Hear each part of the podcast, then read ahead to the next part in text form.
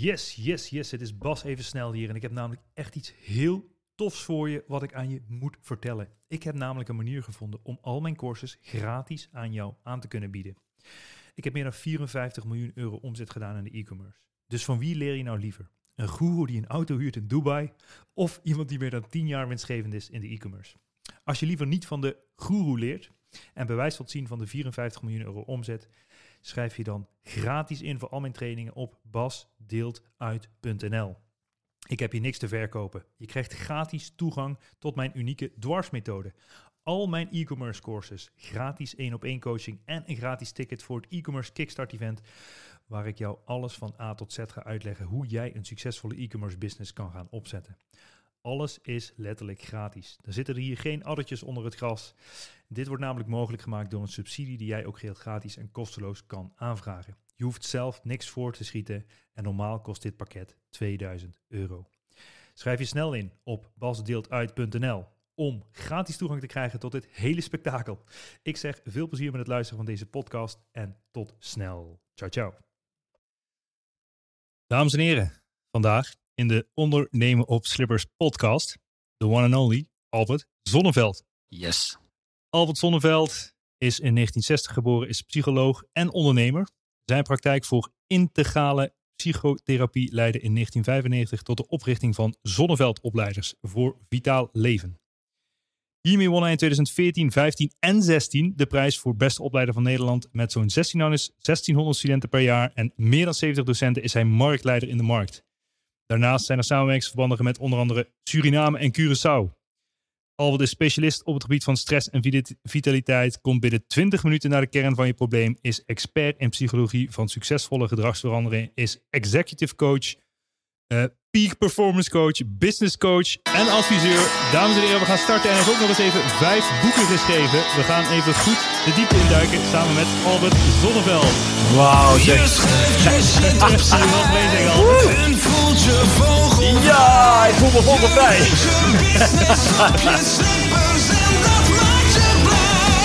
Je droom is werkelijkheid. Bent van de stress bevrijd. Je kraakt de code van het leven nu met zekerheid. Ah, Albert Zonneveld, welkom. Ja, nou, dankjewel om in jouw show te zijn, Bas. Ik uh, ben helemaal vereerd. Ik heb alleen geen slippers aan. Is dat een probleem? Uh, nou ja, er zitten wel uh, voeten aan je lichaam? Of, ja, ja, zeker. Ondernemen op slippers of ondernemen op, op schoenen. Het mag allemaal van mij, Albert. Goed man. Ja, welkom. Ik ben echt, ik vind het superleuk om jou in deze podcast te mogen interviewen. Wij kennen elkaar natuurlijk ook al wat langer. Ja. Um, maar ja, ik heb net natuurlijk al een bizarre introductie gedaan van wie jij bent.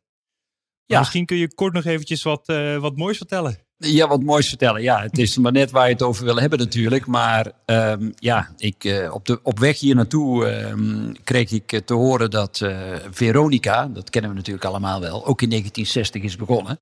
En die vieren ook een 60-jarig bestaan. En ik ook. 60 eh, jaar op deze planeet. En ik had nooit ooit kunnen bedenken als kind. Ik ben hier niet zo heel erg ver vandaan geboren in Hedel. Iedereen maakt fouten. Ik ben in Hedel geboren. is, ook, is geen keuze, hè? Dit. Is geen keuze.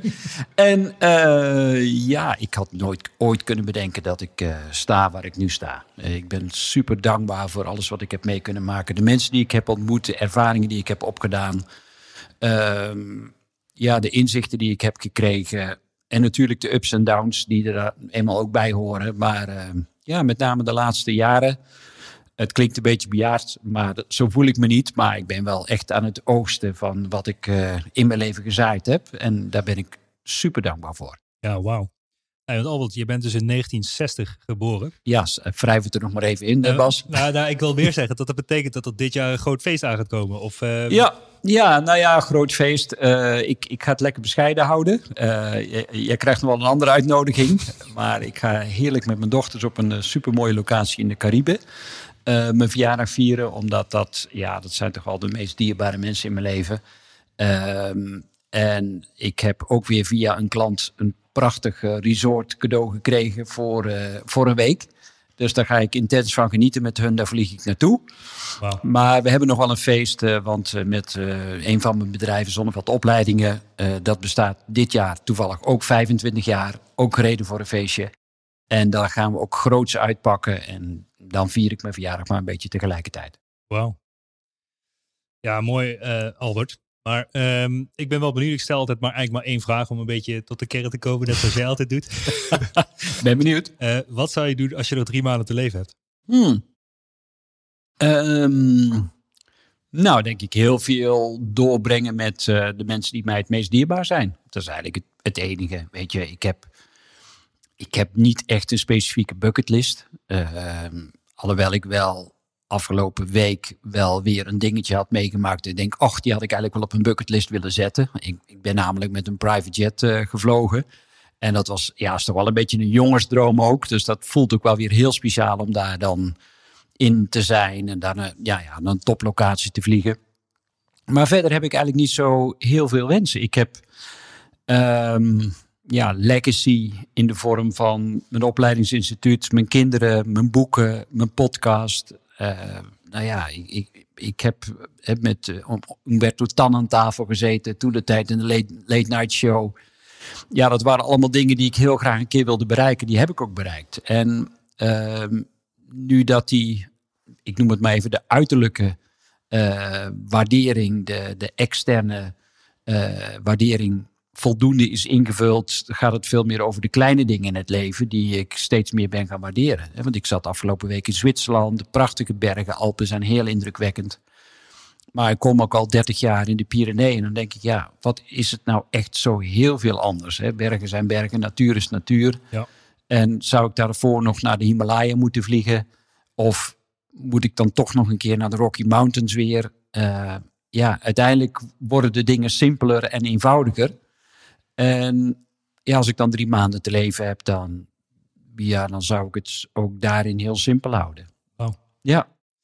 Dat is mooi. En dat moet ergens vandaan komen. Want ik kan me niet voorstellen dat je hele leven zo gedacht hebt. Nee. Uh, en het was natuurlijk super gaaf. We zitten in zo'n soort van mastermind appje. En in één keer stuurt Albert de foto dat hij voor een private jet staat. met zijn piloot naast van ja, ik ga even op pad jongens. Ja, ja, ja heerlijk. Ja, mooie dingen. Dat zijn toch ja, uh, de mooie dingen. Ik heb echt bizar, bizarre mooie klanten. En ja. die komen natuurlijk ook niet uit de lucht vallen. Dus je hebt het ergens aan verdiend. Dus ik wil toch even nog een paar stapjes teruggaan naar de wat kleinere Albert, zeg maar. Van waar, waar begon dit allemaal en wat voor opleiding heb je überhaupt zelf gedaan?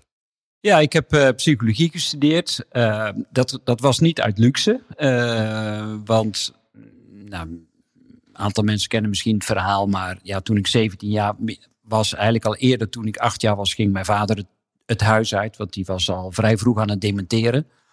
En toen ik bij hem in het verzorgingshuis was op mijn zeventiende uh, keer, toen, uh, ja, toen kreeg hij voor mijn ogen een hartinfarct en toen uh, viel hij dood neer. Dat was behoorlijk traumatiserend. Een aantal jaren later stierf mijn moeder aan ALS, een spierziekte. Um, dus ik was eigenlijk al heel jong mijn ouders kwijt. Mijn vader is 63 geworden, mijn moeder 66. En daarmee ja, was ik eigenlijk al op een hele jonge leeftijd bewust van de vergankelijkheid van het leven. En um, ja, ik, ik ben maar psychologie gaan studeren om, om die trauma's uh, te verwerken en ook iets meer van het leven te snappen. Want ik had zoiets van, wow, dit kan toch niet de bedoeling zijn dat het zomaar afgelopen kan zijn. En, en van daaruit ben ik mijn praktijk begonnen en toen had ik al wel zoiets van, ja, ik weet niet of ik nou mijn hele leven lang in één ruimte wil blijven zitten en dan zes cliënten of acht cliënten per dag wil doen en die problemen aanhoren. En dat, ik ben heel dankbaar voor mijn ouders, want het waren echte ondernemers. Die zijn na de Tweede Wereldoorlog begonnen met een textielzaak en een meubelzaak. En ik heb iets van dat ondernemersbloed in me. En toen dacht ik al vrij snel in mijn psychologenpraktijk van, ja, uh, volgens mij moet ik dit kunnen opschalen. en vandaar ben ik mijn opleidingsinstituut begonnen. Wauw.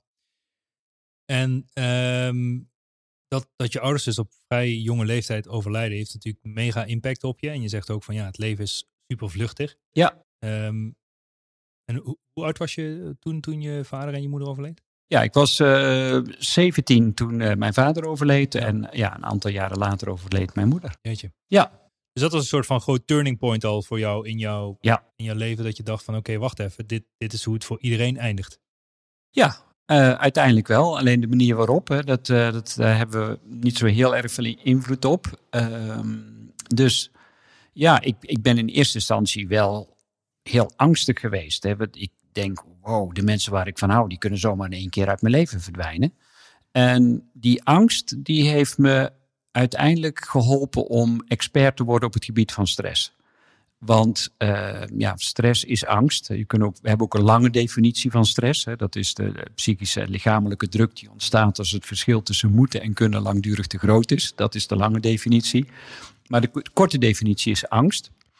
En uh, ja, die angst die heeft me mijn het hele, mijn hele leven over de hele wereld overgebracht. Want ja, ik ben bij allerlei goeroes geweest, bij allerlei specialisten, bij Anthony Robbins en nou ja, ik heb in ashrams gezeten en ik, ik had steeds maar één. Wat is dat, een ashram? Voor, een, een ashram is een, is een plek waar een, een guru zit. Hè. Dat, meestal is dat in India, maar het kan ook op andere plekken zijn. Waar je heel devoot als een devotee, een, een, een leerling, uh, aan de voeten van de meester zit. In de hoop dat er een soort transmissie plaatsvindt, een overdracht plaatsvindt van zijn wijsheid. Uh, waardoor dat je uiteindelijk ook dezelfde inzicht en dezelfde bewustwording krijgt. Nou, Um, man, uh, ik heb in de shamanistische wereld gezeten. Uh, ik heb in Chili in de, in, de, in de Andes gezeten. En ook in Peru en in het Amazonegebied. En, en dat was wel een grote drijvende kracht voor mij. Van hoe kan ik die angst omvormen tot vertrouwen? En ja, uiteindelijk werd dat, werd dat steeds meer uh, mijn handelsmerk. Want ik, uh, ja, ik ging me steeds, steeds meer specialiseren op het gebied van stress en, en met name ook burn-out. En ja, in, in 2000 heette het geen burn-out, maar toen hadden één op de zes beeldschermwerkers die hadden een muisarm. Uh, nou, dat was ook weer ja, toen een aanleiding voor heel veel mensen om, uh, ja, om zich ziek te melden. En, en ja, daar werd ik toen specialist in. We hebben ook nog een tijd gehad dat mensen whiplash-klachten hadden en... Ehm, ja, de juppieziekte, eh, fibromyalgie. Nou, er, kwam een hele reeks van klachten voorbij in de media. Die ik absoluut niet wil bagatelliseren. Hè, want het is, mensen ervaren dat en het komt op een zwakke plek bij hun naar buiten. Maar ik zag altijd wel dat er uh, in hun leven vaak bepaalde trauma's onderlagen. die nooit de ruimte hadden gekregen om, uh, om te verdampen of eruit te raken in, in hun leven. Wow. Dat is heftig. Ja. wat ik interessant zeg, dit, dus, je, dus jij doet de, de transitie tussen angst naar vertrouwen. Ja. En er moet een moment zijn geweest, of misschien wel een groot deel van je leven, dat je zelf ook in die angst zat. Maar wat, zijn, wat zijn de dieptepunten voor jouzelf dat jij in die angst zat en dat je daar eigenlijk misschien wel in gevangen zat of zo? Want je hebt ergens een uitweg gevonden dat voor jou ook die angst naar dat vertrouwen is getransformeerd. Ja, ja, nou ja, een van de grootste angsten, nou, twee soorten angsten. De, de angst om de controle te verliezen en de angst om niet geliefd te zijn. Dat, dat kent iedereen wel. Ik ben niet goed genoeg, is zo'n angst. En, en van daaruit komen er weer allerlei andere angsten. Bijvoorbeeld uh, spreken in het openbaar. Dat heeft niks met podium te maken, maar dat heeft alles te maken met... stel je voor dat het publiek dadelijk zegt dat ik niet goed genoeg ben. Ja. En dat is een hele diepe angst. Nou, ik heb doodsangst uitgestaan op het podium. En iedere keer dacht ik weer, man, waarom doe ik dat nou? waarom moet ik mezelf hier voor de camera duwen? Of waarom uh, moet ik weer zo nodig op dat podium staan? Aan de ene kant had ik, had ik heel sterk uh, het verlangen om mensen te inspireren en, en mijn verhaal te delen. En aan de andere kant, uh, ja, ik was, ik was zo bang om afgekeurd te worden op mijn verhaal. En uiteindelijk ben ik erachter gekomen dat die angst heel veel te maken had met keeping up appearances. Hè? Dus dat er een bepaald dat ik een bepaald beeld had gecreëerd over mezelf, de expert, de guru. Maar dan dacht ik, ja, dat moet ik dan iedere keer wel waarmaken. En op een gegeven moment dat ik het zelf niet meer deed, gingen andere mensen het doen. Hè? Die gingen mij op een voetstuk plaatsen en dan moest ik heel erg mijn best doen om daar weer vanaf te komen. en en uh, ja, als je je voordoet op een manier die je van binnen niet bent, ja, dan breng je jezelf in de stress. Hè? Dat, dat is een angst, want je bent natuurlijk heel bang dat je op een gegeven moment door de mand valt. Het verkeerde petje dragen bedoel je meer? Ja, het, ja. als dat jouw vertaling ja, is. Ja, ja het, verkeerde, eh, het verkeerde petje dragen, ja. ja. ja. dus, als je het verkeerde, dus eigenlijk als je de dingen doet die je niet leuk vindt of die heel dicht bij jezelf liggen, dan, dan komt die angst en die stress veel dichterbij. Ja, ja, toen ik een Engelse professor vroeg, Robert Lefevre, what's the reason why people get burned out? Toen zei hij, there are only two reasons. Reason one, they are living a lie. And reason two, they are compulsive helpers. Nou, als je daarover nadenkt, dan denk hè, nog even vertaald, living a lie, is dat je te lang iets doet waar je met je hart of je bezieling niet achter zit. Hè, dat je, nou ja, vaak doet wat je omgeving van je verlangt. En daar heeft die tweede opmerking ook mee te maken. Compulsive helper is dat je voortdurend bezig bent om het een ander naar de zin te maken en onvoldoende kunt zorgen voor jezelf. Ja. En, en onvoldoende me-time creëert. Nou ja, dat is een recept. Hè? Dat is een dodelijke cocktail uh, om, om burn-out te krijgen. Ja. Dat is ook een uitspraak van Steve Jobs. Hè? Don't live someone else's life. Ja. Komt een beetje op hetzelfde neer. Uh, je leeft niet het leven van een ander, weet je. En, dat, en het bizarre is dat je toch, ja, dat is makkelijk gezegd, zeg maar, maar moeilijk naar gehandeld. Zo denk ik in de praktijk. Want alsnog denk ik van, ja, dat toch een heel groot percentage, misschien weet jij nummers, maar uh, toch niet zijn eigen leven leidt en heel dicht bij zichzelf blijft, maar gewoon maar doet wat van hem verwacht wordt. Ja, de meeste mensen wel. En daarom hou ik zo van uh, ondernemers, omdat ondernemers per definitie onconventioneel zijn. Dat wil zeggen, zich niks aantrekken of weinig aantrekken van hun omgeving. Anders kunnen ze nooit succesvol worden. En want aan de ene kant zijn we kuddedier, hebben we, hebben we ons zoogdierenbrein, wat, wat we ook nodig hadden om in leven te blijven. Want toen we nog in stammen leefden, ja, je kon in je eentje kon je nooit een mammoet vangen. Dus je moest met elkaar een plan bedenken om, uh, om die mammoe in de val te lokken. En, en, en vervolgens uh, die lekker op te eten met z'n allen. Uh, dus, en als je bedreigd werd door een andere stam, dan had je elkaar ook nodig om te kunnen beschermen. En dat zit er nog steeds in. We, we, we, we zitten nog voortdurend naar anderen te kijken, hoor ik nog bij die stam? En of dat nou de familiestam is, of de collega-stam, of de mastermind-stam. We, we doen er alles aan om ons veilig te voelen in die stam. En dan komt de paradox, want ja, aan de andere kant wil je ook uniek zijn. En, en ja, het mooie van ondernemerschap is dat je ja, je juist wil losmaken uit die stam. Want die stam die zegt, wat, wat een hele mooie uitspraak typisch Nederlands is. Weet je wat ik nou zo leuk vind van hem? Hij is zo gewoon gebleven. het is, daar krijg helemaal jeuk van. Maar dat vinden we geweldig, want dan valt om iemand niet op in die massa. Die blijft dan in die grijze massa. En dat is super veilig voor iedereen. Want aan de ene kant bewonderen we iemand die daarboven uitstijgt. Maar aan de andere kant zijn we er een soort jaloers op. Uh, dus, dus dat maakt het altijd heel ingewikkeld. Als je kijkt naar mensen die, die, boven, die boven dat maaiveld uitkomen. Maar dus eigenlijk zijn het een beetje kuddes. Hè? Dus als je kijkt naar een soort van dierengedrag, nou dat je schapen in kuddes bent, dus dan is er altijd eentje het zwarte schaap. Ja, ja. En die stijgt dan boven de kudde uit. Die stijgt boven de kudde en, uit. Maar dat is de rare vogel, het rare schaap dus. Ja, ja, ja, ja. En, dat, en, en uh, aan de ene kant doen, zijn er mensen die ontzettend de best doen om het rare schaap te zijn. Hè? Die halen daar ook een soort significance uit. Maar uh, ja, het is altijd spannend ja. om, om uh, want ja, je weet nooit hoe de kudde daarop gaat reageren. Ja ik ben niet goed genoeg. Ja. Dat is degene waar veel stress vandaan komt. Wil je erover praten, Bas? Nee, maar ik, ik bedoel, natuurlijk. Het, het, is, ik denk dat het super herkenbaar is voor veel mensen en ook ja. voor mezelf. En, natuurlijk is het een proces, zeg maar, om daarvan af te stappen. Ja. Uh, wat voor een, hoe, hoe, hoe, begin je nou van dat hele, uh, ja, hoe, hoe wil je het noemen? Uh, innerlijk belief. Dis, ja. ja. Hoe, hoe, hoe ga je daar, hoe, hoe, hoe, kom je dat kwijt? Ja, nou ja, misschien is het interessant om eerst te kijken hoe kom je eraan. Hè? Want ja. Um, nou, ik heb jouw prachtige gezin mogen bekijken. Je hebt schitterende kinderen. En als je naar de jonge kinderen kijkt, is het zo mooi. Weet je, die, die leven echt nog volledig vanuit hun hart. Die leven vanuit liefde. Nou zijn jullie toevallig ook nog een heel mooi, lief ouderpaar. Hè? Ik denk, nou, echt een schoolvoorbeeld van hoe je kinderen zou kunnen opvoeden. Maar um, ja, die kinderen die, die hebben een open hart. En die hebben op een gegeven moment eentje ervan die heeft een tekening gemaakt. Die komt helemaal enthousiast de kamer binnengelopen het hart helemaal open en die zegt dan: Kijk eens wat ik gemaakt heb. Nou, en dan zeg je als ouder natuurlijk: Oh, wat mooi en wat prachtig. Je zegt niet meteen van: Hé, hey, wel binnen de lijntjes kleuren. dat, doe, dat doe je nog niet. Dus, dus dat kind dat is in liefde en die straalt ook liefde uit. Maar er komt een moment dat je als ouder net even geen tijd hebt, of net even gezin hebt, of net even zagrijnig bent.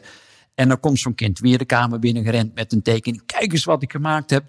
En dan zeg je ja, nou even niet. Of nou krijgt je broertje even aandacht. Of uh, ja, alweer. Of uh, nou, nou vanavond maar.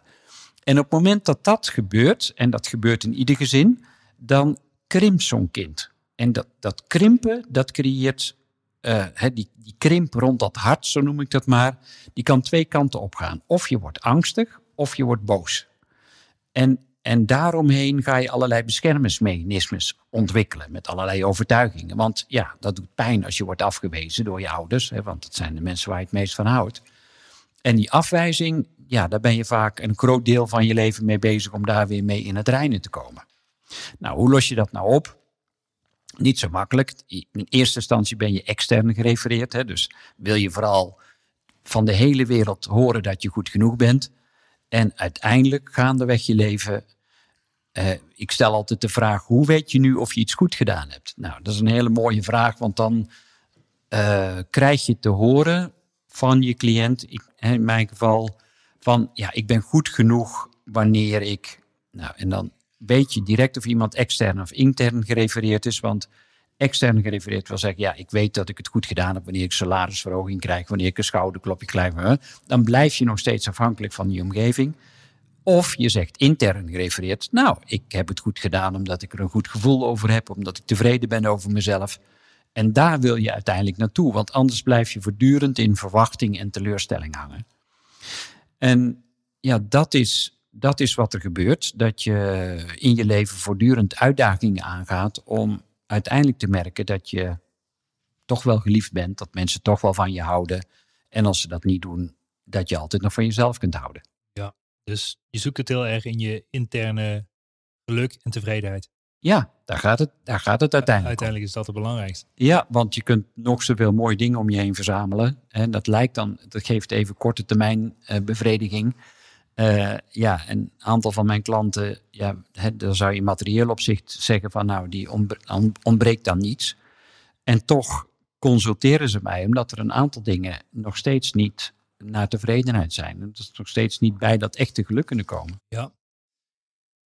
Ja, dus dat heeft veel dus met ontevredenheid te maken. Of in ieder geval niet datgene, dat de uitkomst anders is dan dat je verwacht. Ja, ja. en dat heeft te maken met behoeftes, met verlangens, met verwachtingen. Ja, en uh, als je verwachting gaat creëren, dan krijg je teleurstelling. Uiteindelijk, zoals je hier nu zit, Bas, ben je het resultaat van uh, ja, steeds keuzes maken op basis van angsten en verlangens. Ja. En dus, dus en waar je uiteindelijk naartoe wil, denk ik, is dat je dat gaat ontstijgen. Dat je niet zozeer laat leiden door angsten en ook niet door verlangens, maar dat je veel meer, ja, het leven ontvouwt zich en dat, dat je er niet te veel mee bemoeit en dat je vooral geniet van het moment. Dat vind ik super moeilijk. Hè? Ik ben nu ook een boek van Eckhart Tolle aan het lezen, misschien wel een bekende van je. Ja, De kracht van het nu. Precies. Um, oude, dus ik, oude Eckhart. Ja. Dat boek is ook al twintig jaar oud. Ja, ik, ik ben er wat luisteren overigens, want ik lees heel langzaam. Maar. dat, ja, dat maakt niet uit. Als je nu zit, dan is er ook geen tijd. Precies. al doe je er drie jaar over. ja, maar dat is weer interessant. Maar waar ik meer benieuwd ben, ik bedoel, bij jou moet er dus ook een transitie van angst naar vertrouwen zijn geweest. Wat is nou een turning point geweest in jouw leven dat je dacht van oké, nu en dat gaat natuurlijk niet van de een op de andere dag. Maar nu heb je, is er iets wat een, een significant verschil heeft gemaakt tussen dat angst en vertrouwen. Ja, nou ja, op een gegeven moment ben ik. Kijk, uiteindelijk los je in, in mijn wereld uh, een probleem op in drie stappen. Het eerste is bewust worden. Het tweede is eigen verantwoordelijkheid nemen. En het derde is betere keuzes maken. Nou, dat klinkt in theorie fantastisch, maar hoe doe je dat? Nou ja, bewust worden ik, ik ben daar meer dan misschien wel 30 jaar mee bezig geweest. Hè, van, van waarom doe ik nou de dingen zoals ik ze doe? En dat is dus niet in één weekend cursus opgelost of zo. Uh, en dat krijg je ook niet weggespoeld met ayahuasca of weet ik veel wat. Dus, dus er, er is meer voor nodig dan dat. Um, het is bewust worden en dan eigen verantwoordelijkheid nemen. Dat is ook een heel ding. Want het is zo makkelijk om maar te wijzen naar die ander of naar de maatschappij of naar je schoonmoeder of weet ik wie het allemaal gedaan kan hebben. Maar ja, daar moet je dus uit wegblijven. Je bent 100% verantwoordelijk voor je eigen keuzes. En er zijn er eenmaal dingen in je leven die je overkomen, mij ook. Ik, ik heb best wel heftige dingen meegemaakt in mijn leven. En die kan ik niet veranderen, maar de manier waarop ik ermee omga, daar heb ik wel verantwoordelijkheid mee. Ik kan erin blijven hangen, ik kan blijven vechten, ik kan blijven vluchten, ik, ik, ik kan bevriezen, ik kan steeds maar lopen klagen en miepen en mouwen. Maar ik kan ook zeggen, oké, dit overkomt me. Hoe wil ik daar nou op een andere manier mee omgaan? Dus welke keuzes kan ik maken? En, en het is met name toen ik het boek schreef, Kiezen vanuit je hart, dat ik ben gaan beseffen, oké, maar ik heb dus ieder moment van de dag heb ik een keuze. Ik heb 50 gedachten per minuut, dus ik heb 50 keuzes die ik maak of kan maken. Nou, het meeste van dat gedrag is onbewust. 95% van de dingen die we doen, die zijn onbewust. Maar in die hele smalle bandbreedte probeer ik zoveel mogelijk door meditatie, door in de natuur te zijn, door me te omringen met mensen waar ik energie van krijg, om, om het maximale uit, uit die smalle bandbreedte te halen van bewust worden over ja, wie, wie ben ik en wie wil ik zijn. Ja, uh, ik wil zeggen 50 keuzes per minuut die je kan maken, of gedachten die je hebt waar je een keuze over kan maken. Krijg je daar niet alleen al stress van? Of het nou is hoe je ermee omgaat. Nou ja, dat, ook, ook, dat is weer, ook dat is de theorie natuurlijk, Bas. Hè? Want ik, heb, ik maak geen 50 bewuste keuzes. Heel veel dingen, die doe je onbewust. Weet je, ja. ja je doet, je, onbewust krijg je het bijvoorbeeld warm. En dan doe je onbewust je jas uit. Dat is ook een keuze, want je had hem ook aan kunnen houden. En, maar daar sta je helemaal niet bij stil.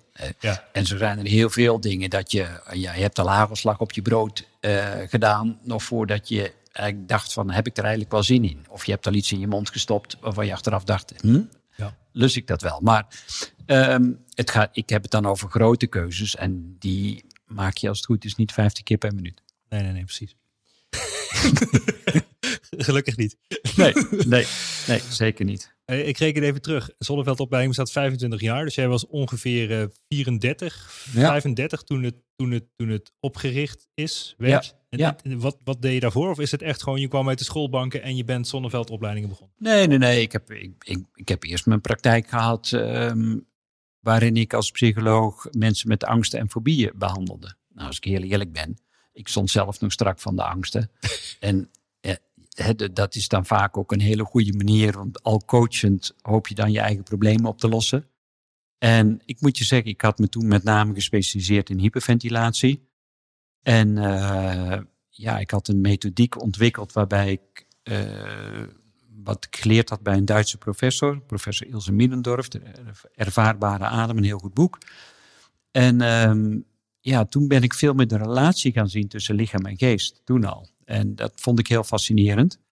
Ik ben daar mensen mee gaan behandelen met succes. Ik had op een gegeven moment een, wachtlijst van drie maanden. Mensen kwamen uit Groningen en uit Maastricht. Um, ik had toen een praktijk in de Bos en daarvoor in Heeswijk-Dinter. En uh, ja, toen, toen ik eenmaal met die wachtlijst zat, dacht ik van nu moet ik echt andere mensen gaan opleiden met die methode die ik had ontwikkeld. En zo is, dat is de basis geworden van het opleidingsinstituut. Oh, wauw. Dus je helpt de mensen met, met fobieën en angsten en vervolgens heb je, ben je mensen gaan opleiden die dus hetzelfde doen wat jij deed. Ja, ja, ja, ja. Zo uh, eigenlijk een beetje, ja, wist ik veel. Ik, ik, kijk, als jonge jongen werd er toen wel tegen mij gezegd dat ik een opvolger zou worden in de meubelzaak. En uh, dus ik was al vrij jong bezig met het sjouwen van meubels, het leggen van vloerbedekking, het hangen van gordijnen. Um, dus dat was ook oké. maar goed, toen mijn vader overleed en mijn moeder vrij kort daarna, toen is die zaak verkocht. En dus toen kon ik niet meer bedenken dat ik toch nog wel weer een keer ondernemer zou worden. Wauw. En hoe zagen die beginjaren van Zonneveldopleiding eruit? Er was gewoon één zaaltje, eh, tien man. Uh, ja, man. Iemand, stond jij in het begin stond je er zelf voor? voor ja, tuurlijk, tuurlijk. Ja, dat was fantastisch. Ik had mijn huisje nog in Hedel en uh, ik begon toen de tijd met uh, uh, reflexmassage, voetreflexmassage. Nou, dat is heel opmerkelijk. Jij deed masseren, Albert? Ik wel. Ja, ja, ja. ja, ja, ja, ja. Vraag nou niet of je al meteen je schoen uit mag doen. Hè, Bas. Daarom heb je je slippers natuurlijk al aan. Maar, ja, man. ja, dat was, ja, dat was natuurlijk allemaal alternatief. En dat was, weet je wel, dat, dat werd al gauw in de, in de geitenwolle getrokken. Maar ik merkte wel, en dat, dat vond ik als psycholoog heel wonderlijk, is, is dat ik heel vaak mensen wilde behandelen met hyperventilatieklachten. En daar deed ik dan cognitieve gedragstherapie. Dat was dan het enige gevalideerde wat we dan leerden. Maar mensen schoten daar niet echt heel veel mee op. En die zeiden, ja, ik voel me emotioneel of voel me heel benauwd. En uh, kun je me geen ademhalingsoefeningen geven? En toen is ja, dan moet je naar de fysiotherapeut. Maar dat is natuurlijk het lastige van onze gezondheidszorg. Dus allemaal hokjes. En toen zeiden mensen, ja, maar ja, dan moet ik aan die fysiotherapeut, moet ik weer het hele verhaal uitleggen. Kan ik dat niet bij jou doen? Kan ik bij jou geen ademhalingsoefeningen doen? Nou, toen ben ik bij die Duitse professor terechtgekomen. En die zei, maar als ik jou een tip mag geven, er zitten reflexzones op de voeten. En als je daarop drukt, dan gaan mensen ruimer ademen. Dus ik leerde punten voor het, uh, het middenrif. Hè, en, en nervus verenicus, nou, allerlei uh, prachtige punten. En als ik daarop drukte, inderdaad, uh, mensen begonnen in één keer te huilen. Er kwamen heel, en niet omdat het zo pijn deed, maar, maar dan zeg, in één keer kwamen die emoties los. Ik denk, huh? En uh, dus dat was zo wonderlijk. Uh, en mensen waren daarna opgelucht. En ja, ik zeg, sindsdien zeg ik één aanraking zegt meer dan duizend woorden. En, en dat heeft me altijd enorm geholpen. Dus ik ben in eerste instantie begonnen met, ja, met die Oosterse geneeswijze om die in Nederland onder te brengen. Wauw. Ja. Maar dat, met zonneveldopleidingen deed je iets heel anders dan die massage, toch? Ja, nou of ja, is, in eerste... is het ook opleiden tot die massage? Nou ja, het werd uiteindelijk, uh, en dat was wel mooi, het, er waren steeds meer fysiotherapeuten die bijvoorbeeld zeiden van, goh, uh, Albert, zou je mij kunnen leren hoe ik met stress moet omgaan? Want 80% van de mensen die ik op de massagebank heb liggen, hebben allemaal spanningshoofdpijn. Die hebben allemaal spanningshoofdpijn. En ik heb in de opleiding heel weinig geleerd over stress. Dus ik ging eigenlijk steeds meer zorgprofessionals opleiden uh, in, in, in specifieke niche-markten. Dus de, de diëtisten die kwamen bij ons en zeiden: Ja, we hebben een heel goed dieet voor die cliënt, helemaal uitgeschreven. En vervolgens doen ze er niks mee. Hoe kunnen wij gedragsverandering teweeg brengen? Nou, toen heb ik de opleiding Mental Coach ontwikkeld en de opleiding Stress Counseling. En toen kregen wij mensen uit het onderwijs en zeiden: Ja, maar wij merken gewoon dat de jeugd van tegenwoordig iets heel anders nodig heeft dan de didactische vaardigheden die wij op de PABO hebben geleerd. Hoe ga je met jongeren om en hoe ga je met kinderen om? Dus dan kregen we jongerencoach en kindercoach. En nou, zo zijn er eigenlijk steeds meer specialisaties ontstaan. In eerste instantie voor mensen die beroepsmatig al een contactberoep hadden en andere mensen wilden helpen, maar verdieping wilden of verbreding op hun vak. En pas nog weer later kregen we ook mensen uit het bedrijfsleven en mensen die dat voor persoonlijke ontwikkeling wilden doen. En, toen kwamen de opleidingen tot coach, hè, levenscoach en nou ja, seniorencoach en stervensbegeleiding. Nou, allerlei niche-markten. Ik zeg bijna van, van de wieg tot het graf zijn er, zijn er wel coaches. Wauw. Maar toch, als je dan naar kijkt als ondernemer, dan is het toch kijken van oké, wat, wat gebeurt er nu in de maatschappij? Wat heeft de maatschappij nodig? En daar ga je uiteindelijk opleidingen voor maken. Dat is precies wat je zegt. Van Ja. wat, het, het ontstaat letterlijk bij de vragen die je krijgt. En aan de hand van die vragen ga je een opleiding maken. Ja, natuurlijk. En, en, en dat, dat zal ook zo blijven, denk ik. Want eh, ja, op een gegeven moment hadden we, hè, toen kregen we de Chief Happiness Officer in het, in het, in het, eh, in het bedrijfsleven. En toen dacht ik, ja, maar er zijn nog geen gelukscoaches. Dat is eigenlijk wel raar. Want ja, hoe, ik, ik had wel een boek geschreven over geluk. Nou, in feite is dat ook een, een- de basis voor het, eh, voor het lesmateriaal. En ehm, nou ja, zo, zo ontwikkelen de opleidingen zich. En dat is inderdaad, dat wordt door de markt ingegeven. Heb jij een goede defini- definitie van geluk? Die is naar mijn idee ja, misschien wel voor iedereen anders of zo. Maar het is. En ik zie in deze tijd ook dat iedereen een soort van bijna desperaat op zoek is naar geluk en succes, of hoe je het ook wil noemen. Ja. En, en dat, alleen dat al geeft je misschien al stress. Dat je, Ja, dat je zegt, oh ja, geluk. Ik ben niet gelukkig. Oké, mislukt. Ja, ja, ja, ja, ja, ja, ja dat is, dat is kijk, ehm Damian de Nijs en, en, en andere hoogleraren, die, die zeggen ook, die worden een beetje moedeloos van die maakbaarheid van het leven die steeds maar wordt gepromoot door allerlei coaches. En ik zou haast zeggen, get real. Weet je, als je op aarde bent, dan krijg je te maken met weerstand, met teleurstelling. De boeddhist die zegt, het leven is lijden. Dat is het ook. Weet je? Dus je, ja, dan ga ik het heel grof zeggen, maar je bent terminaal vanaf je geboorte. Je, je- weet dat je de controle een keer gaat verliezen en dat je, dat je niet het eeuwige leven hebt. En, en dat, dat zit in ons achterhoofd. Hè. Je, je krijgt te maken met verlies, hoe dan ook. Dus, ehm, en op het moment dat je dat niet kunt accepteren, we proberen natuurlijk steeds meer invloed te hebben op het leven. Hè. We gaan ons steeds meer God voelen en, en we, we willen onze eigen geboorte en onze eigen dood gaan bepalen uiteindelijk. Terwijl ik denk, ja, als je hier bent, één ding kunnen we sowieso zeggen, je bent er, dus je hebt bestaansrecht. Hè? Yes. dus, dus daar hoef je nooit ooit aan te twijfelen. Ehm, dus de kunst is, hoe ga je daar dan mee om? Kun je omgaan met tegenslag? En ik heb niet een echte definitie van geluk, maar wat ik wel gemerkt heb in het schrijven van mijn boek over geluk, dat uh, als ik al die geluksprofessoren naast elkaar heb gezet, want er zijn er een aantal in de wereld die een hele leven studie hebben gemaakt van wat is nou eigenlijk geluk, dan zijn er drie factoren die, die van belang zijn om je gelukkig te voelen. En het eerste is dankbaarheid. Uh, dus, dus create an attitude of gratitude. Dus vooral zien wat er wel is in plaats van wat er niet is. Nou, dat is in deze tijd van social media is ontzettend lastig, want je zit voortdurend te vergelijken. En dan zie je al die prachtige foto's van mensen die op een tropisch strand Um, ja, je hebt ook van die digitale nomaden die uh, andere mensen. oh, het gaat er niet over jou. Nee, maar het is wel mooi. Het is niet lastig, maar het is eigenlijk gewoon verschrikkelijk. Want ik bedoel, niks is wat het lijkt, zeg ik altijd maar. En ja. het hele social media is gewoon een groot deftboek, zeg maar. Want ja, ja. niemand gaat een huilend, huilend gezicht posten van zichzelf. Want nou, ik voel me daar vandaag zo kloten en ja. ik zie het allemaal niet meer zitten. Ik wil niet van de brug afspringen. Ja. En misschien doet iemand dat wel een keer, maar... Ja, dat wordt dan niet op eh, social media gezet. Tenminste, meestal niet. Um, dus, dus dankbaarheid is, is niet zo ingewikkeld. Is, hoeft, weet je, ja, jij en ik, we hebben allebei het geluk gehad dat we veel gereisd hebben, veel gezien van de wereld, hebben ook veel gezien. Wij kunnen ook vergelijken wat er in Nederland is en, en hoe goed dat hier geregeld is en, en in, in andere delen van de wereld. Uh, ik ga voor een paar weken weer naar Peru. Uh, man, er is nog zoveel armoede, maar tegelijkertijd zie ik daar wel gelukkige mensen ook dus, dus create an attitude of gratitude is het eerste. Dat je vooral ziet wat je wel hebt in plaats van dat je ziet wat je niet hebt. Uh, begin daarmee. Het tweede is acceptatie. En acceptatie, dat klinkt een beetje fatalistisch, zo van ja, dat is mijn karma en mijn lot. Maar acceptatie is ook, hey, zoals je hier zit of ligt, of ik weet niet hoe je naar deze podcast luistert, maar dit is het resultaat van alle keuzes die je hebt gemaakt in je leven. En als je een ander leven wil, begin dan met andere keuzes te maken. Dus kun je accepteren dat dit het resultaat is van jouw keuzes.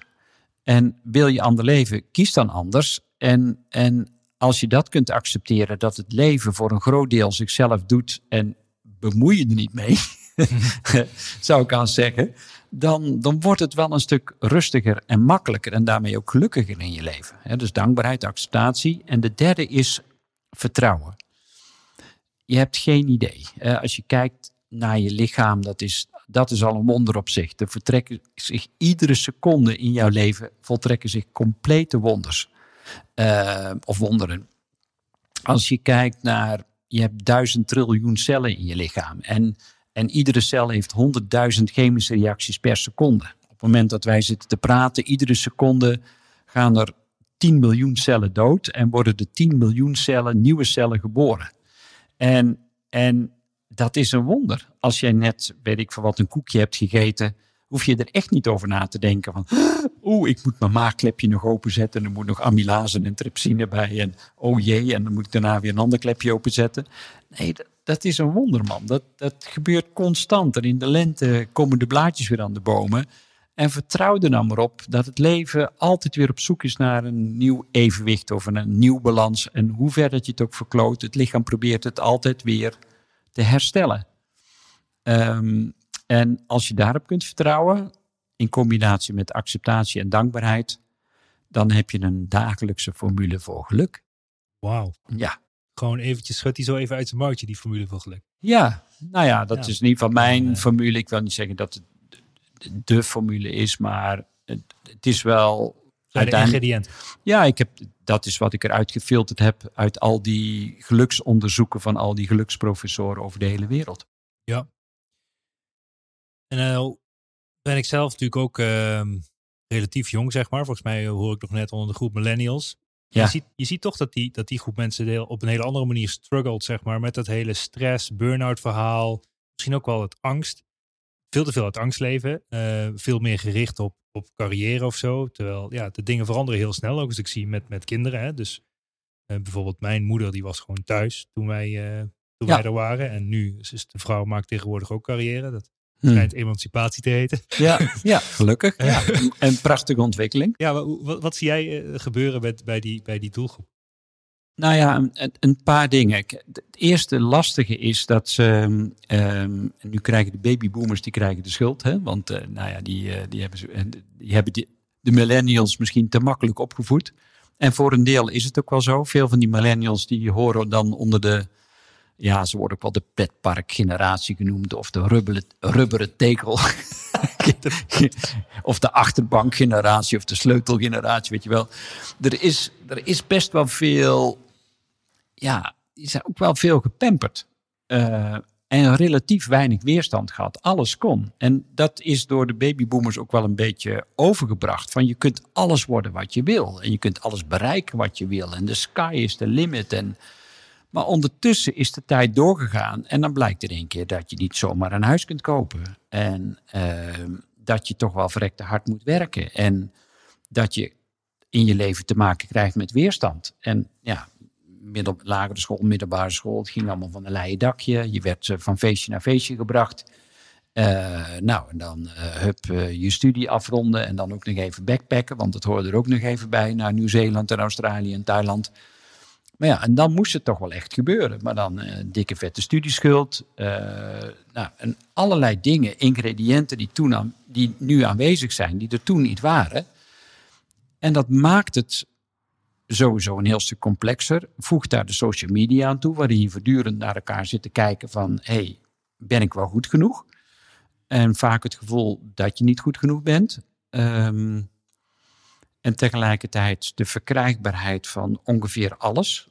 Um, dus, dus je wil ook een instant gratification hebben. Je wil een, direct een quick fix voor je problemen. Terwijl een aantal dingen, ja, die heb je nou eenmaal te verduren. Ja. En daar, daar heb, de millennials hebben dat nog niet echt geleerd om dat te doen. Nee, iedereen is op zoek naar de shortcut, naar succes of naar geluk of wat het dan ook is. Zeker, zeker deze generatie proberen alles te hacken en, uh, en, en, en, te doen. Ja.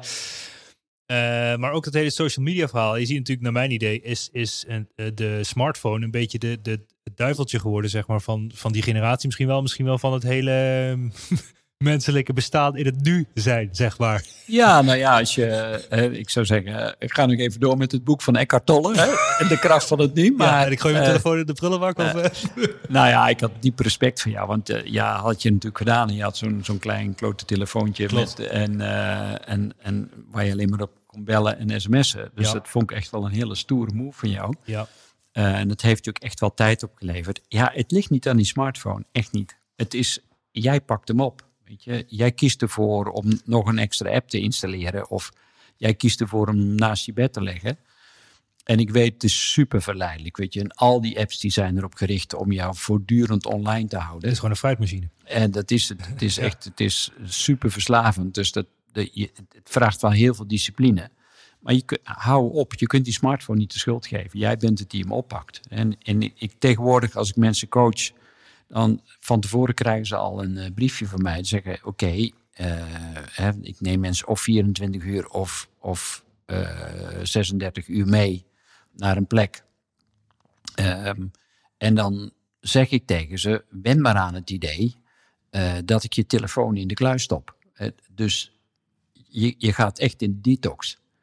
En dan zeggen mensen achteraf, zelfs als ik ze drie dagen meeneem, zeg van, dat is heerlijk. Dus ja, ik had hm. nooit gedacht dat het me zoveel ruimte zou geven. Dus ja, het kan, maar het is alleen jammer dat daar dan vreemde ogen, ik in dit geval, dan uh, moeten dwingen om mensen zover te krijgen. Uiteindelijk ben jij het die daar, het is jouw leven. Toch? toch de keuzes die je zelf maakt. Ja, ja. en uh, jouw leeftijd is gemiddeld 4000 weken. En uh, dan mag je zelf bepalen hoeveel tijd dat je daarvan online wil zijn. Ja, ja, ja. Ik wil eens iets anders uh, aansnijden, Albert. Je zei ook eerder van uh, je wil mensen inspireren en je verhaal delen. Ja. Uh, stomme is zeg maar dat ik zit natuurlijk niet voor niets hier een podcast weet je, op te nemen. Dus ik heb zelf die neiging ook wel om mijn verhaal te delen, mensen te inspireren. Maar ik vraag me bij mezelf en daarom bij deze aan jou af van waarom? Um, ja, het is altijd heerlijk, denk ik. Kijk, waarom deel je dingen? Waarom, waarom wil je feedback? Dat is maar één ding. Je wil je wil je eigen groei of je eigen bewustzijn afmeten. En dus je wil eigenlijk snappen van hoe verhoud ik me ten opzichte van de rest? Ben ik nou helemaal gek? Of zit ik in de middenmoot? Of, of juist niet? Of waarin onderscheid ik me van anderen? En ja, er is maar één manier om erachter te komen, is, is een boodschap uitzenden en hopen dat je daar feedback op krijgt. Um, dus dat is één ding. En de andere is, ik weet het niet, ik word ook altijd wel heel blij van inspireren. Ik, ik, ik vind het ook heerlijk om te delen. En dan ga ik weer terug naar dat kind wat een tekening heeft gemaakt. En bijna vanuit van nature de, de woonkamer in komt rennen. En dan iedereen die op visite is wil laten zien: kijk eens wat ik gemaakt heb. En dus een mens is van diep van binnen wil die delen. Je wordt gewoon heel blij van delen. En, uh, en inspireren geeft gewoon een goed gevoel. Want je, deelt je ervaring, je deelt je kennis. En uiteindelijk betekent dat persoonlijke groei, maar dat betekent ook groei voor iedereen die luistert. Ja, daar ben je even stil van, hè Bas? Ja, ik, het, het, het kwartje moest even vallen inderdaad. Dus ik, ik, snap, ik snap wat je zegt. En dat het ook, ja, voor deels voel ik dat zelf ook. Het heeft natuurlijk te maken met impact die je wilt maken. Niet alleen op jezelf, maar ook op je omgeving of de rest van de wereld. Ja. En dat je daarom inspireert en dat dat de boodschap is die jij te geven hebt aan deze wereld of misschien wel de mensen die je helpt. Ja, ja dus sowieso uh, een bijdrage is een belangrijke waarde die vervuld wordt. Maar ja, um, impact, dat, dat is deels is dat waar. Uiteindelijk doe je alles voor je eigen geluk en je eigen plezier. Dus uh, waar het alle, vooral om gaat is, ben je er gepassioneerd over om je boodschap te delen. En het moet afhankelijk zijn, of liever gezegd onafhankelijk zijn van of die nou boodschap nou wordt opgepakt of niet wordt opgepakt. Ja. Als je, als je dat belangrijk vindt, zeg van ja, ik wil uh, nu, binnen nu en, uh, en een x-tijd 300.000 luisteraars hebben, want dan, dan pas ben ik geslaagd. Nou, succes Bas. ja, dan moet met deze podcast wel lukken, toch Albert? Ja, deze sowieso. is interessant. Kijk, op een gegeven moment ben je dus, um, je bent ook mensen gaan coachen. Ja. Um, en, en niet de minste, volgens mij heb je een, eh, een aantal uh, gasten zonder namen te noemen uit de Quote 500 die jij, uh, die jij helpt. Op ja. met name mentaal vlak, denk ik. Ja. Um, ja. Ik ben heel erg benieuwd, zeg maar. Want dat zijn dan toch, uh, in ieder geval als je een bankrekening opent, zou je zeggen, heel erg succesvol. Ja. En ik vraag me af hoe dat in verhouding staat. En ik heb daar zelf natuurlijk het een en ander over meegemaakt als je een groot bedrijf hebt. Hoe dat in verhouding staat tot geluk. En ja. hoe vaak je ziet of mensen die dus veel geld hebben of heel succesvol zijn in business. Uh, of die ook heel erg gelukkig zijn. Of dat ze per definitie bijna allemaal met hetzelfde struggelen. Ja, ja dat is een mooie vraag. Uh, kijk, we krijgen allemaal de verhalen. Ik blijf even weg uit het bedrijfsleven. Maar hè, de afgelopen maand, volgens mij, heeft de media volgestaan met uh, Jan Smit, die een maand in Spanje in een kliniek heeft gezeten met burn-out klachten. Uh, ja, het ook gewoon aan jou kunnen komen. Ja, iedereen maakt fouten. Nee, maar goed. en, uh, en, en ja, Marco Busato, hè, we weten allemaal, nou, relatieproblemen, uh, ook een burn-out. Nou, hij heeft ook het nodige meegemaakt, ook uh, zakelijk gezien. Ja, je, vergis je niet, het, it's lonely at the top. Er zijn maar heel weinig mensen waar je mee kunt praten. Ehm, je bent toch een beetje achterdochtig. En een van mijn klanten ook, ja, die, die had nu zoiets van, ja, jee man, nu heb ik veel geld zijn die mensen nou bij mij omdat ze voor mij komen? Of komen ze toch om interessant te doen en zijn ze misschien uit op mijn geld? En dat, dat maakt het leven echt wel onvrij ook. En uh, je bent in één keer een publiek figuur geworden. Hoe ga je daarmee om? Uh, hoe veilig voel je jezelf nog? Um, hoe, hoe, hoe veilig is het nog om dingen van jezelf te delen? Voor, misschien voordat het alweer ergens door iemand wordt opgepikt. Hè? We hebben natuurlijk allemaal, heel Nederland heeft uh, met, met op, de kaken plaatsvervangend zitten te lachen bij Patricia Pai. Uh, met een filmpje wat zij natuurlijk super intiem uh, wat gefilmd is en dat door een of andere klojo online is gezet. Dat is natuurlijk verschrikkelijk. Hè? Dus iedereen kan er iets van vinden, maar ja, voor hetzelfde geld is je leven gewoon verpest. Ja. Nou, ik heb de keuze gemaakt om het nieuws niet te volgen. Dus ik heb echt geen idee waar je het allemaal over hebt. Nee, maar, ik nou, vind het wel interessant om te horen. Ja, dan. maar uh, nou ja, ik denk dat een aantal van de luisteraars uh, de voorbeelden wel kunnen volgen. Maar de essentie is steeds hetzelfde. Ja. Uit hoe, uh, hè, we hadden het over die kudde. En op het moment dat je die kudde ontstijgt, dan doet die kudde er vaak alles aan om je weer terug te krijgen in die kudde. Want dat is voor hun veel veiliger. En een manier om dat te doen is soms te roddelen, de, de mensen af te kraken, uh, afgunstig te zijn, jaloers te reageren, eh, rechtszaken aan te spannen. Er gebeurt van alles en nog wat om iemand die standing above the crowd weer terug te krijgen in het midden. Wauw. Dat is mooi gezegd, zo had ik het nooit, had ik het nooit gezien. Maar, maar wat doet dat met, met je geluk als je dus zeg maar succesvol bent in de zin van financieel succes? Want ik, ja, ik ben ervan overtuigd dat dat. En je zei net ook iets moois, het maakt je heel erg onvrij. En, Ja. en wat ik zelf ervaar, zeg maar, eh, dat hoe minder je bezit of hebt, je eigenlijk veel meer vrijheid kan ervaren. Ja. Hè, dus ik lever morgen mijn kantoor op. Ik heb geen kantoor meer. Er zaten 30 man. Ik vind het heerlijk. Ik, heb er nog, ik, ja, ik voel me steeds relaxer naarmate ik minder heb. En dat, ik en dat ik is, dacht al, wat zie ik toch aan jou vast? ja, maar dat is echt. Maar Nee. dat is, ik, ik, ik, vraag me af als je dan succesvol bent en je hebt miljoenen, misschien wel miljarden, weet ik het wat, zeg maar. Het, dus ja, dus ik vind het moeilijk te bevatten, zeg maar. En dus de vraag is altijd van. Waar gaan mensen voor? Dus vaak willen mensen veel geld. En als ze dan veel geld hebben, denken ze: Oh, is dit dan wat het betekent om veel geld te hebben? En denken ze: Shit, dit wil ik eigenlijk helemaal toch niet. Ja, nou ja, het is, eh, uitspraak is vaak van, eh, nou ja, geld maakt niet gelukkig, maar eh, tegelijkertijd is het wel makkelijk als je het hebt. En dat is natuurlijk ook zo. Hè. Er gaan echt deuren open die anders gesloten zouden blijven. Maar in de psychologie kennen we iets als, dat heet hedonische adaptatie. En dat betekent dat je wendt aan alles. En ik zal een voorbeeld geven, dan snap je dat denk nog beter. Is dat ik vorig jaar kocht ik een nieuwe auto.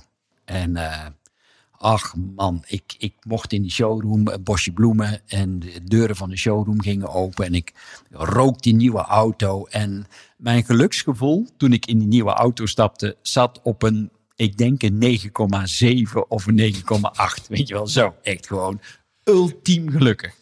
En, eh, oh, en dan naar buiten al die nieuwe knopjes en lampjes en ik voelde me gewoon helemaal de koning. Drie weken later stapte ik in diezelfde auto. En er was niet eens zo heel erg veel veranderd in die auto. Er zat nog steeds geen krasjes op. Het was toch helemaal een perfecte auto. Maar wat ik ook deed, Bas, hoe ik het ook probeerde, ik kon niet meer aan die 9,7 komen. Het was nog steeds wel een 8, maar niet meer die 9,7. Dat heet hedonische adaptatie. Dus Ik noem dat het Game Boy effect. Dus eh, je krijgt een Game Boy, je vindt het fantastisch, je zit er fulltime op te spelen en na drie weken ligt hij in de kast en heb je geen idee waarom je dat ding eigenlijk hebt gekocht. ja, nou, eh, is goed. Dat is, dan, eh, dat, is, dat is een tooi van jouw generatie natuurlijk. Ja, precies. Maar ja, dit, dit is het. En, en dat geldt voor geld, dat geldt voor een vakantiehuis in het buitenland, dat geldt voor een boot, dat geldt voor alles. Hè. Dus ik ben in, helemaal in het begin van, het, van dit interview of deze podcast stelde je de vraag van ja, goh, want, hè, in jouw leven, wat, wat is er nou veranderd? Of, nou, een van de dingen is dat ik inderdaad ben gaan minimaliseren. Ik, ik, ik heb een prachtig huis gehad met een zwembad en drie badkamers en, en alles. En nu woon ik in een soort tiny house. En ik moet je zeggen, ik ben ultiem gelukkig. En dat is ik zeg, dus het dematerialiseren, zeg maar, maakt je vrijer. Ja, nou ja, Kunnen we dat zo'n beetje stellen, Albert? nou ja, mijn oma die zei dat eh, heel mooi. Die, eh, die zei, bezit van de zaak is het eind van het vermaak. En, Die moet ik even een tegeltje zetten. en, eh, en ja, nou ja, ik, ik, ik heb helemaal niks tegen bezit. Weet je, ik heb het zelf ook allemaal gehad en gedaan. En ik kan echt genieten van, van luxe. Hè? Dus ik heb bijna geen spullen meer. Dat kan in één bestelbusje. Eh, dat, en dat is het echt. En de rest heb ik in de cloud staan. En ik, ik, ik, ik hoef verder ook niks meer. Maar ik vind het nog steeds leuk om business class over de wereld te vliegen. Ja, dat, ik. wel. Dat is En, meer een eh, beleving ook. dat is, dan, dat is dan een beleving. En dan heb ik dat aangepast met vliegschaamte. Dus eh, dat zit er ook bij. Maar als ik dan toch moet vliegen, dan, dan doe ik dat graag in luxe. En ik kan nog steeds, eh, dat weet je, eh, soms in een shamanistisch ritueel in een tipi in de modder liggen. Ja. Maar tegelijkertijd kan ik ook genieten van een vijfsterren hotel. En ik denk dat dat ook wel voor een belangrijk deel de belangrijkste les is in het leven. Is dat ik steeds weer het gevoel heb dat ik een keuzemogelijkheid heb. Dat het niet zozeer hangt, afhangt van de omstandigheden. Maar ja, ik heb het al gezegd, dankbaarheid, acceptatie en vertrouwen. Als ik dat ieder moment van de dag opnieuw kan ervaren in de omstandigheid waar ik ben. Dat ik me steeds opnieuw kan verhouden ten opzichte van de omstandigheden waar ik op dat moment in ben. Ja, dan eh, voel ik me gelukkig. Wauw. Een tijd geleden hadden we ook een gesprek en toen vroeg ik aan jou wat jij de definitie van eh, vrijheid was. En toen zei je iets van, ja, als ik me nergens meer mee hoef te identificeren of zo. Is dat, klopt dat? Of was het in ieder geval in die buurt? En dat je zei, als, dat je niks meer bent of zo. Of dat je gewoon niet meer, je, bent, je hebt geen stempeltje meer. Ja, nou ja, dat, dat, daar begonnen we het verhaal ook mee. Is dat, dat als je jezelf te veel identificeert, dan, dan ja, kom je op een soort, ja, in een beeld terecht. eh, keeping up appearances, wat je dan ook in stand moet houden. Ik was de directeur, de psycholoog, de schrijver, de, nou ja, enzovoort. Papa. Ja, nou, de papa, die, daar ben ik nog steeds heel blij mee. Precies. Eh, dus dat wil ik ook zeker zo houden. Maar niet meer de zorgende papa. Mijn dochters Ja. zijn inmiddels al een stukje ouder. Dus die kunnen goed voor zichzelf zorgen. En ik ben er nog steeds heel graag voor ze. Ehm, maar ja, die rol is ook veranderd. Dus aan de ene kant is vrijheid loskomen van die identificatie.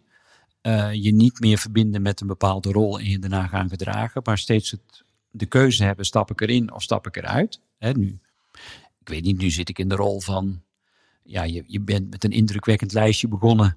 eh, wat ik allemaal ben en wat ik heb bereikt. Maar ja, ik ben het, maar ik ben meer dan dat. Ja. En dan alles wat je hebt opgenoemd. En dat wil ik ook graag zo houden. Ja. En aan de andere kant is vrijheid voor mij dat ik volledig kan accepteren dat ik 100% afhankelijk ben van de mensen om me heen. Want ik, op het moment dat ik denk van nou, vrijheid is dat ik alles zelf kan bepalen, ik vraag het me af in hoeverre ik heb keuzemogelijkheid, maar er zijn ook heel veel dingen die me overkomen. Het enige wat ik dan kan bepalen is hoe ik ermee omga. Eh, als je dan over afhankelijk, dus je ziet jezelf niet op een, eh, op een boerderij ergens op een berg in de Alpen wonen, volledig zelfvoorzienend en eigenlijk onafhankelijk van iedereen. Dan ben je dus, dat is de omgedraaide zeg maar. Ja, en zelfs dan zou je denken dat je onafhankelijk bent eh, met zo'n zelfvoorzienende boerderij, maar dat is natuurlijk niet zo, want je, je, ja, de hele wereld is met elkaar verbonden. Ja, zonder zaadjes geen planten. Ja, dan wil je uiteindelijk wil je toch, heb je toch materiaal nodig. Hè? Ik ga altijd een paar weken per jaar naar Frankrijk. En ik heb vrienden die voor een groot deel zo leven, maar die kunnen ook enorm genieten van de maandagmarkt in Mirepoix, waar ze dan hun koffietje kunnen doen. En dan, ja, ze zitten op een stoel die door iemand anders is gemaakt, Gemaakt. En, en daar naartoe is gebracht. Ja. En hetzelfde geldt voor de koffie en hetzelfde geldt voor de muziek die daar wordt gespeeld. Dus alles is met alles verbonden. En, en ik vind dat een heerlijke gedachte. Op het moment dat je hulp durft te vragen, dan is het er ook echt. Dus ik zou niet graag de dingen alleen doen. Nee, interessant. Dus ja, we hebben toch weer geleerd hoe we gelukkig en vrij kunnen worden in deze podcast, Albert.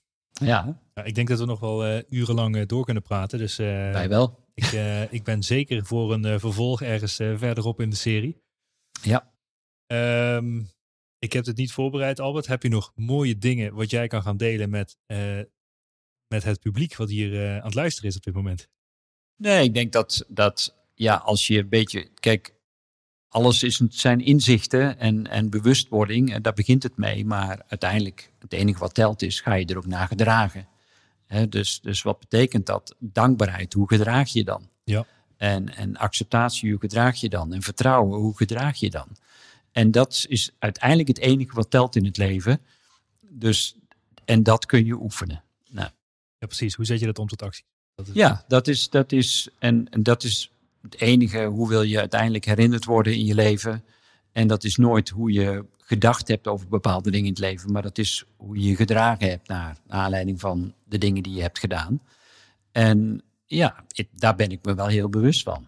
Dus, dus mijn mantra, mijn overtuiging is: let every act be an act of love. Laat iedere handeling een handeling van liefde zijn. Nou, dat ben ik nog dagelijks aan het oefenen. Ehm, maar ik moet je wel zeggen dat ik.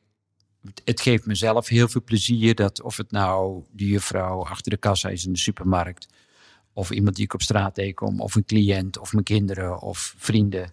Weet je, dat ik, dat ik in ieder geval aankijk, aanraak en glimlach. Dat ik in ieder geval voor die persoon op dat moment misschien het verschil heb gemaakt. Door de liefde die ik in mezelf voel te kunnen delen met anderen. Ja, mooi. Heel mooi gezegd. Ja, met dat aanraken moet natuurlijk wat voorzichtiger zijn met het coronavirus. Maar ja, daar zijn we niet bang voor. We leven niet in angst, maar in vertrouwen, toch? Ja, dat denk ik wel. Ja, het Ja. is. Het, ehm, ook dit, dit is weer een hele interessante beweging die, eh, die op dit moment plaatsvindt eh, in de wereld. En ehm, aan de ene kant isoleert het, maar het verbindt ook. Ja. Eh, en en, en dat, dat vind ik heel fascinerend. Wat de uitkomst ook zal zijn. Ehm, nog een andere vraag. Eh, waar kunnen mensen iets moois van jou vinden? Heb jij een bepaald, kunnen we een paginaatje optuigen op ondernemer op slippers.nl slash Albert, waar wij iets moois geven aan de mensen? Ja, heb jij leuke e-boekjes, eh, Ja. video's? Volgens mij heb je een heel spektakel al. Ja, ik heb, ik heb, ik heb veel gecreëerd. Hè. Ik, heb wel, ik heb wel het idee dat ik veel te vertellen heb. Ehm, ja, ik heb, ik heb eh, een aantal mooie e-books die ik met heel veel plezier wil delen. Ehm, ja, dat en video's en podcast. Dus eh, als wij een winkeltje kunnen maken, dan, dan eh, kunnen we dat eh, met heel veel plezier uitdelen. Wie kan delen, kan vermenigvuldigen, Bas. Zo is het. Dus we houden het heel spannend wat er op de pagina ondernemer op slippers.nl slash Albert komt te staan. Maar het zijn in ieder geval waardevolle dingen waar je iets aan hebt. Zeker weten. Ja, Super Albert. ja Ehm, ja, hartstikke bedankt. Ik Ja. vond het een inspirerend verhaal. Heel graag gedaan. En eh, heel veel succes met alle goede dingen die je doet, Bas. Dankjewel man.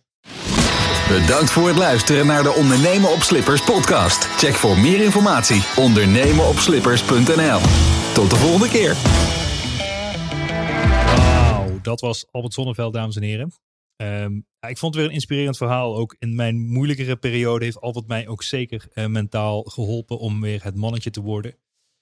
Ehm, mocht jij ook in een wat moeilijke periode zitten, ga dan naar albertzonneveld.nl. Daar kun je meer vinden over Albert. Albert is mega inspirerend en heeft veel ook voor mij betekend in de moeilijkere tijden. En zo hebben we ook zeker veel mooie momenten over de wereld al samen mogen ehm, meemaken. Albert, nogmaals dank. Geef even nog een laatste kreet in de microfoon en tot snel. Take care en tot snel.